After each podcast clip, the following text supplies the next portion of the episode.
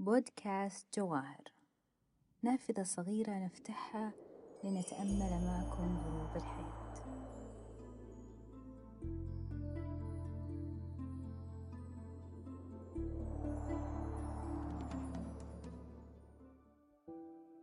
السلام. بمعنى الأمان والنجاة مما لا يرغب فيه. فيقال سلم من الأمر أي نجا منه. يقول الله سبحانه وتعالى في كتابه العزيز وإن جنحوا للسلم فاجنح لها وتوكل على الله إنه هو السميع العليم.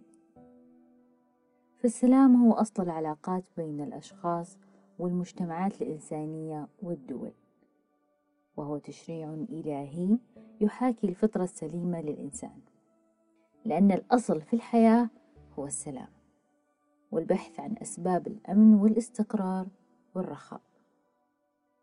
فالسلام جزء لا يتجزأ من الإسلام.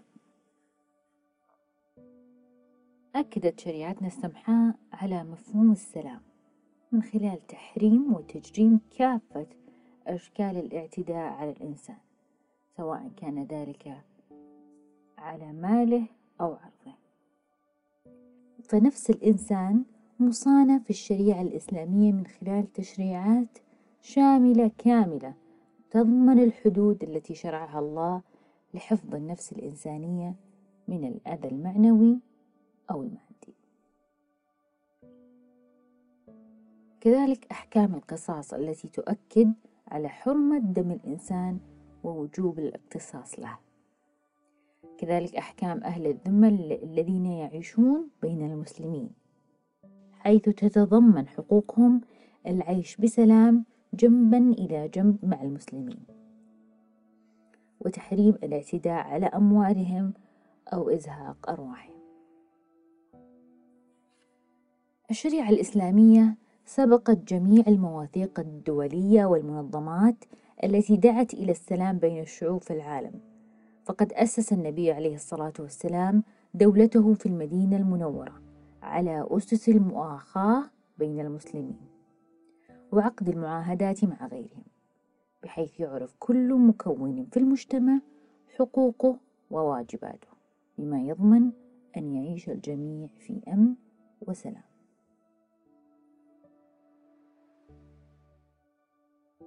حث ديننا الحنيف على السلام في جميع الأحوال واعتبره الحل الأول في أي نزاع بل إن فرض تحية الإسلام وهي السلام عليكم ورحمة الله وبركاته. حيث يدعو فيها ملقي التحية للشخص المقابل له بالرحمة ويعطيه الأمان.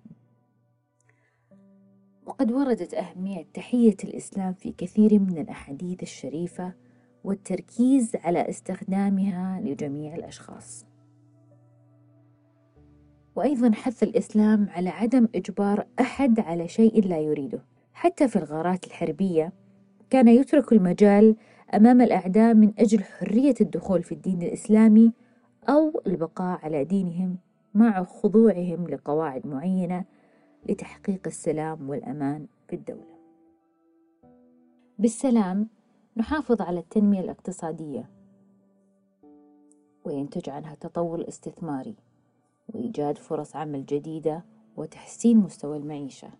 في السلام نحافظ على نظامنا الاجتماعي واستقرارنا السياسي. في السلام نتخلص من الخصام. السلام يقرب بين الناس ويجمعهم على المحبة والتعايش والحروب تفرقهم وتقطع نسلهم وتبيدهم. فعلينا كأفراد أن نحرص على تحقيق السلام ونشره لما له من أهمية على صعيد الأفراد والمجتمعات. حيث يكون ذلك باحترام اختلافاتنا المتعددة والتسامح فيما بيننا وعدم التطرف والتعصب لقضية أو مذهب وعدم اللجوء إلى العنف في حل مشكلاتنا وتجاوزها. فكلنا بنو آدم ويجب ألا يفسد لنا اختلاف الديانة أو الرأي أو العرق والدم ولا يحدث نزاع قد يشوه إنسانيتنا. نحن في سعينا نحو مستقبل أفضل وتنمية على جميع الأصعدة. نحتاج أن نغير في أنفسنا. قال الله تعالى إن الله لا يغير ما بقوم حتى يغيروا ما بأنفسهم. فالتنمية والحضارة والتقدم تبدأ من الفرد وبتحمله مسؤولية إقامة السلام التي تبني الجسد المجتمعي بناء سليما وقويا وتسهم في تطوره. أن يحب الفرد لغيره ما يحبه لنفسه من خير هي قيمة عليا تدل على السلام الذاتي وتتجلى في سلوكيات الفرد وحديثه مع الآخرين باختلافهم. فالوصول إلى مجتمع إنساني محب ومتآلف هو ليس من ضرب الخيال ولكن يبدأ من الجهود والمسؤولية الفردية. حين تتغلب قوة الحب على حب القوة سيشهد العالم السلام. أتمنى لكم في السنة الجديدة أن تنعمون بصحة وسعادة وأن يعم السلام جميع أنحاء العالم. وأن تكون سنة خير وأمن وأمان. سنة توفيق وتحقيق أمنيات بإذن الله.